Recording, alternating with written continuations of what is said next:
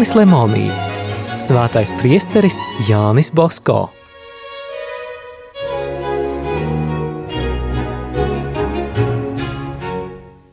Pagalmā pulcējās cilvēki, lai redzētu, kas šeit noticis.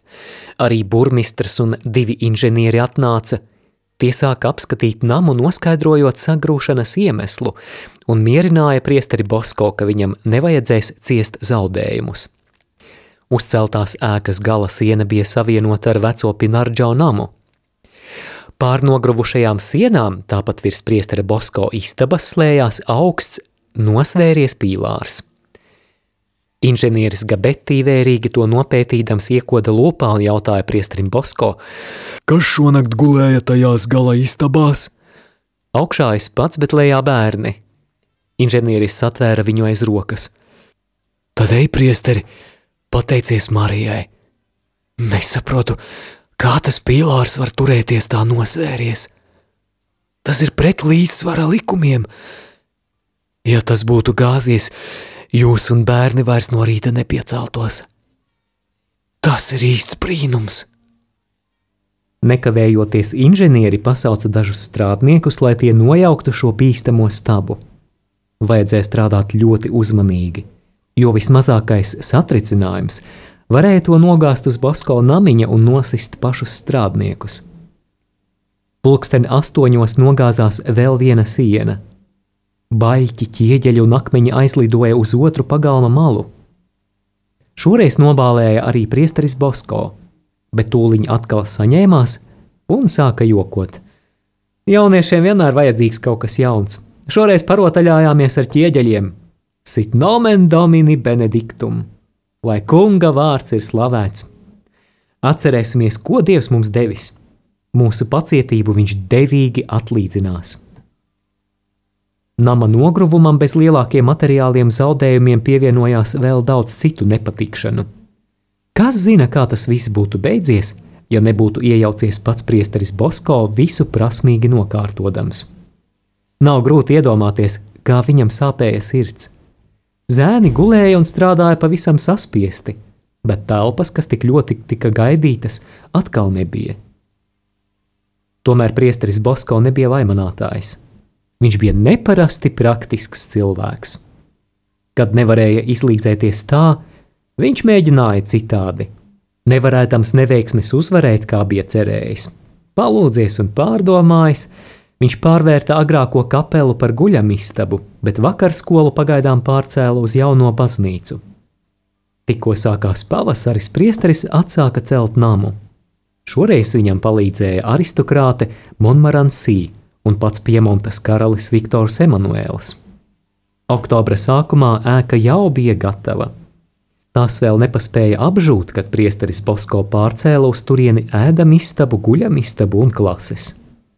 Mēneša laikā patversmes bāreņu skaits palielinājās līdz 75. Bērni, kas bija pārdzīvojuši nelaimi ar iepriekšējo ēku, arī tagad baidījās – bet Jānis Bosko aicināja visus būt mierīgiem, nāms vairs negrūšot. Patiesībā viena siena arī vēl tagad bija nestipra. Pēc mēneša tā vēl joprojām bija mitra un norasojusi, tomēr nams nesagruva. Tā nu patvērsme bija uzcelta. Tagad priesterim svarīgs likās cits pasākums. Bija jāiekārto oratorijā amatnieku darbnīcas – Patversmes audzēkņi līdz šim laikam bija priestera Bosko uzraudzībā, taču vēl aizvien, mācīdamies pa dienu amatu un strādājot, viņi satikās ar netikumīgiem cilvēkiem, ar neticīgiem draugiem. Bieži viens otrs vienā dienā zaudēja to, ko priesteris Bosko viņam pa dažiem gadiem bija centies iemācīt. Tādēļ Jānis Bosko tagad nopirka pašus nepieciešamākos kurpnieka darba rīkus un jaunajai baznīcai līdzās iekārtoja savu pirmo darbnīcu. Pēc kāda laika viņš kurpnieku darbnīcu pārvietoja citā, šaurākā telpā, bet tās vietā iekārtoja nelielu šūšanas darbnīcu. Abu darbnīcu sienas greznoja krusts un Marijas attēli. Darbs vienots ar lūkšanu pēc neilga laika nesa labus augļus. Sākumā amatus mācīja pats priesteris Bosko, un tikai pēc dažiem mēnešiem atradis uzticamus cilvēkus, viņš amatu darbnīcas atdeva to rokās. tomēr vadību viņš nekad no savām rokām neizlaida.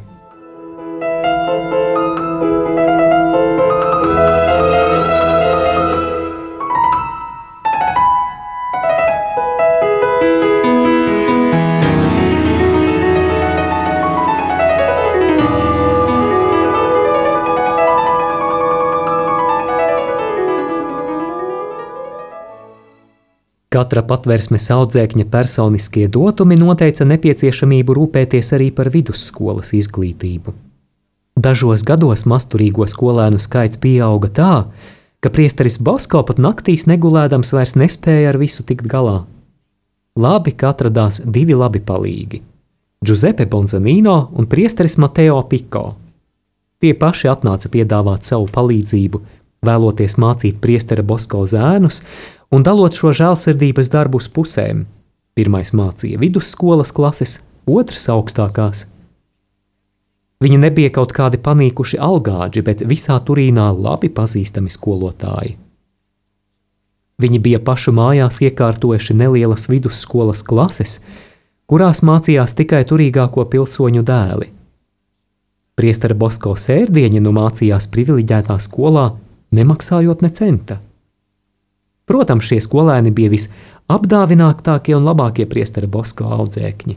Tādēļ arī nav brīnums, ka viņi ar savu uzcītību un apdāvinātību radīja izbrīnu savos skolas biedros un skolotājos. Viens no šiem audzēkņiem, priesteris Frančēsija, vēl piedzīvoja sava skolotāja beatifikāciju. Bet arī citi, kas tagad jau miruši, pēc skolas beigšanas bija vai nu salīdzjāņu kongregācijas vadītāji, slaveni skolotāji, profesori, priesteri, ārsti, tiesneši vai advokāti. Oratorijas tuvumā netālu no pagalma mūra atradās dzērāju midzenis.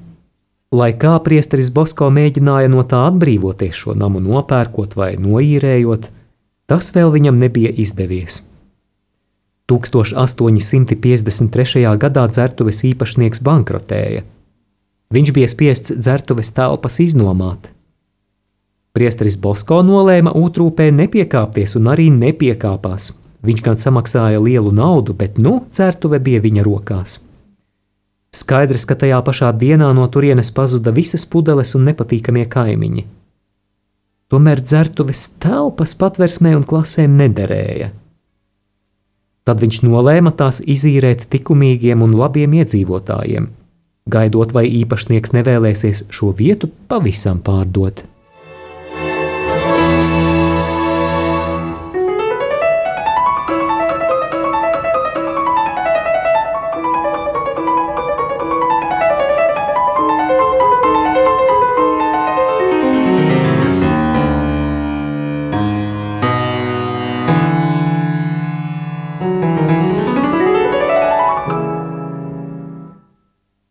Otrās daļas septītā nodaļa - Katoļu vēstis, protestantu dusmas.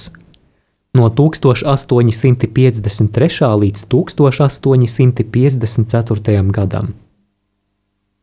Kaut gan priesterim Bosko ļoti rūpēja savu oratoriju iekārtot tā, kā vajadzīgs, tomēr šis darbs vēl nebija pats svarīgākais. Tajā laikā protestanti, izlietodami tiesību vienlīdzību, ar angļu lordu palīdzību izplatīja savu ticību, lietojot netīru propagandu. Katoļi nebija sagatavojušies šai cīņai. Viņi nespēja sekmīgi atvairīt nevienu uzbrukumu.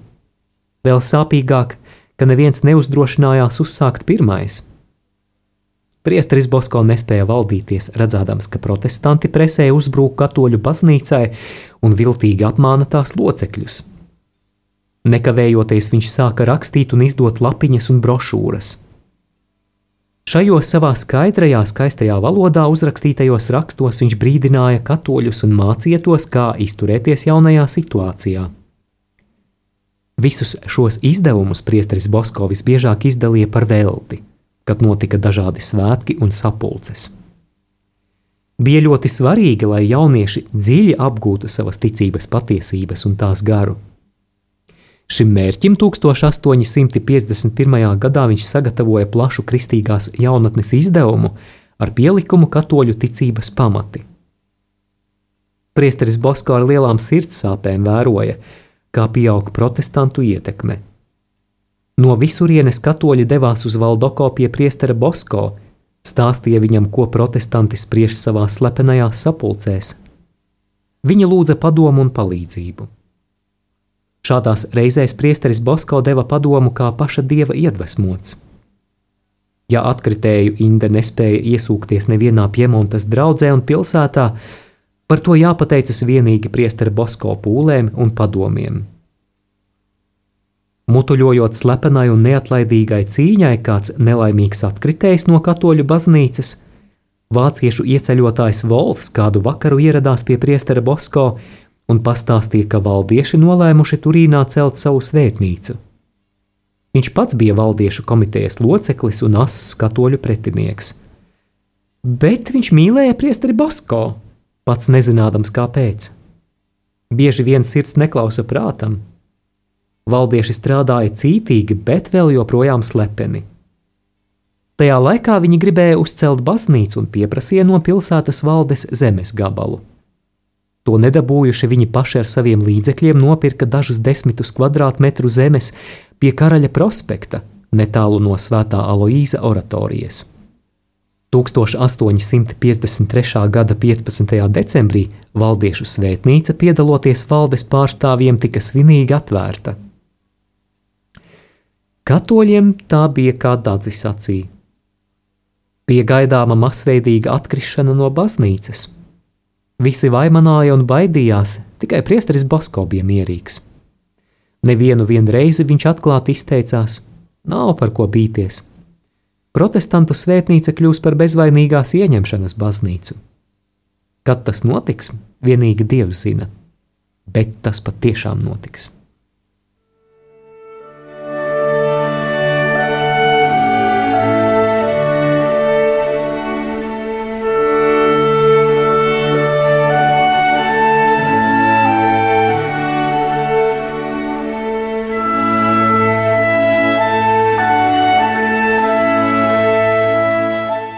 Uzzinādams visus protestantu slepenos nodomus, priesteris Bosko izdeva nelielu brošūru brīdinājumi katoļiem. Jānis Bosko tajā ugunīgiem vārdiem aicināja katoļus sargāt savu nemaldīgo ticību. Kristieši, atveriet acis! No visām pusēm jums ir izliktas ienaidnieka cilpas. Ja tajās iekļūsiet, Atstumsiet vienīgo patieso un svēto ticību, ko sludina Svētā katoļu baznīca. Jēzus Kristus sacīja Svētajam Pēterim: Tu esi klints, un uz šīs klints es dibināšu savu baznīcu, un ēles vārti to neuzvarēs, un es būšu pie jums visās dienās līdz pasaules galam. Šos vārdus Jēzus Kristus sacīja tikai Pēterim un nevienam citam. Kas jums saka citādi, kā es jums esmu mācījis, ziniet, ka tas ir krāpnieks. Dziļi iegaumējiet šīs patiesības, kur ir svētā Pētera pēctecis, tur ir īstā Kristus baznīca. Neviens cits nepazīst īsto ticību, vienīgi katolis. Neviens nav katolis, kas neklausa pāvestam. Mūsu ganītāji bīskapi mūs vieno ar pāvestu, bet pāvests mūs vieno ar dievu.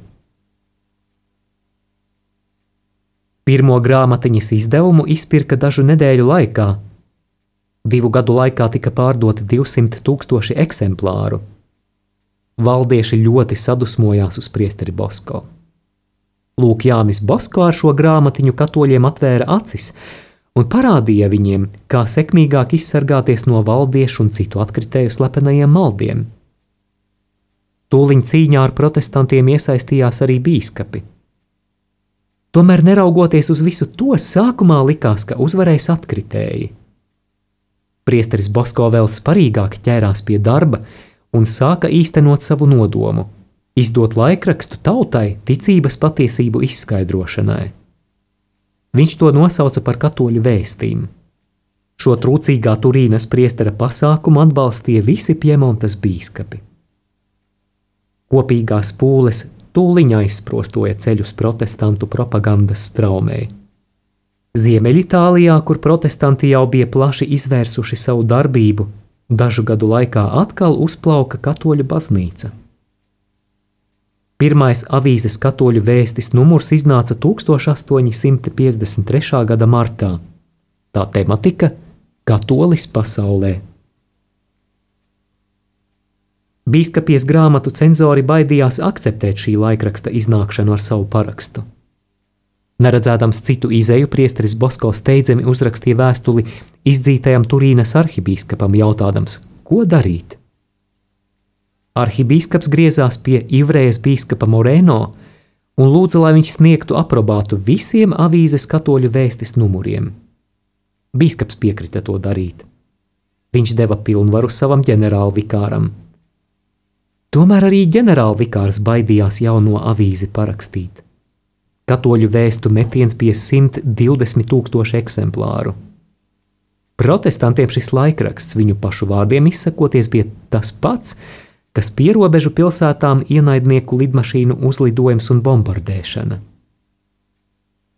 Vienkāršā, bet ar veselu prātu apveltītā itāļu tauta ķertiņa izķēra skaidrā, viegli saprotamā stilā uzrakstītos priestera Bosko rakstus – Protestanti mēģināja aizstāvēties, izdodami evaņģēlīja vēstis, bet jūzdami, ka presē nespēs sacensties ar priesteri Bosko, mēģināja citu līdzekli - viņu apklusināt ar naidīgiem vārdiem.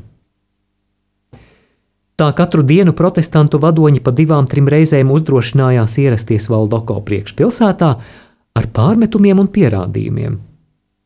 Priesteris Bosko pieradis diskutēt, tos tūlīt atspēkoja. Ministri un mācītāji, nespēdami atvairīt tādus Bosko argumentus, iekarsa un sāka lamāt katoļu priesterus. Bosko mierīgi piezīmēja: Mīļie brāļi, trokšņošana un lamāšanās prātu neapgaismo un gribu neietekmē. Tieši otrādi tas parāda, ka jūs paši trakojat ne pārliecības, ne sirdsapziņas dēļ. Nekā nepanākuši protestanti devās mājup vēl vairāk sašutuši. No rīta gāja citi daļrunīgāki un vairāk mācīti, bet arī tos priesteris Bosko tūliņ iebāza maisā. Kādu dienu ieradās Turīnas ministra mēla vietnieks Puņģī un sāka izklāstīt veselu rindu savu argumentu pret katoļu baznīcas mācību. Priesteris Bosko pasmaidīja un ar dažiem zīmīgiem teikumiem atvairīja katru viņa pārmetumu. Šis cilvēks pilnīgi uzvarēts iesaucās – Jūs mani pārspējāt tādēļ, ka neesmu tik daudz mācīts. Redzēsim, kā jums veiksies ar mūsu ministra kungu. Viņš ar diviem vārdiem liks apklust jebkuram priesterim. Nu tad esiet tik labs un citreiz atvediet viņu. Es patiesību nebīstos. Ja tā būs ministra pusē, pieņemšu, jo patiesībai acis nevar aizdarīt. Vēl tajā pašā vakarā Punī devās pie ministra mēla, un no rīta tas kopā ar diviem citiem mācītiem valdiešiem atnāca uz Valdoko oratoriju. Laipni apsveicinājušies un iepazinušies, viņi sāka diskusiju, kas ilga no pulksten 11.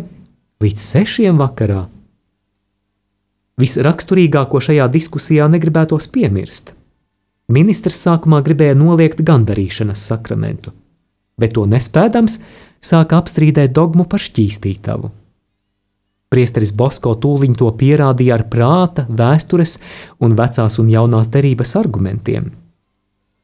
Svēto rakstu fragmentus priesteris Bosko citēja no tulkojuma latīņu valodā. Viens ministra pavadonis negribēja padoties un iebilda, ka tulkojums latīņu valodā ir sagrozīts, grieķu teksts esot pilnīgi citāds. Tas arī kā pirmavots esot jāņem vērā. Priesteris Bosko atvēra skapīti un izņēma svētos rakstus grieķu valodā. Lūdzu, šeit tie ir. Salīdziniet, un jūs redzēsiet, ka tulkojums ir precīzs. Tomēr šis kungs redzams grieķu valodu prata tik daudz, cik vilks gavēt. Grieķu valodas tekstu viņš pieprasīja tikai tādēļ, ka domāja, ka priesterim Bosko tā nebūs. Tagad viņš nezināja, ko darīt. Paņēmis grāmatu, ministrs izlikās kaut ko rūpīgi meklējam.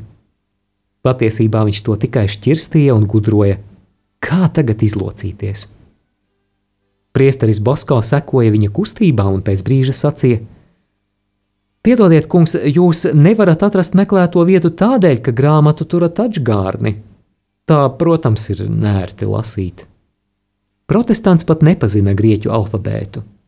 Tā apkaunots viņš nometa evaņģēliju uz galda un aizgāja. Pārējie viņam sekoja. Priesteris Bosko tos pavadīja līdz vārtiem un laipni sacīja, ka sarunas rezultātus viņš publicēs katoļu vēstīs.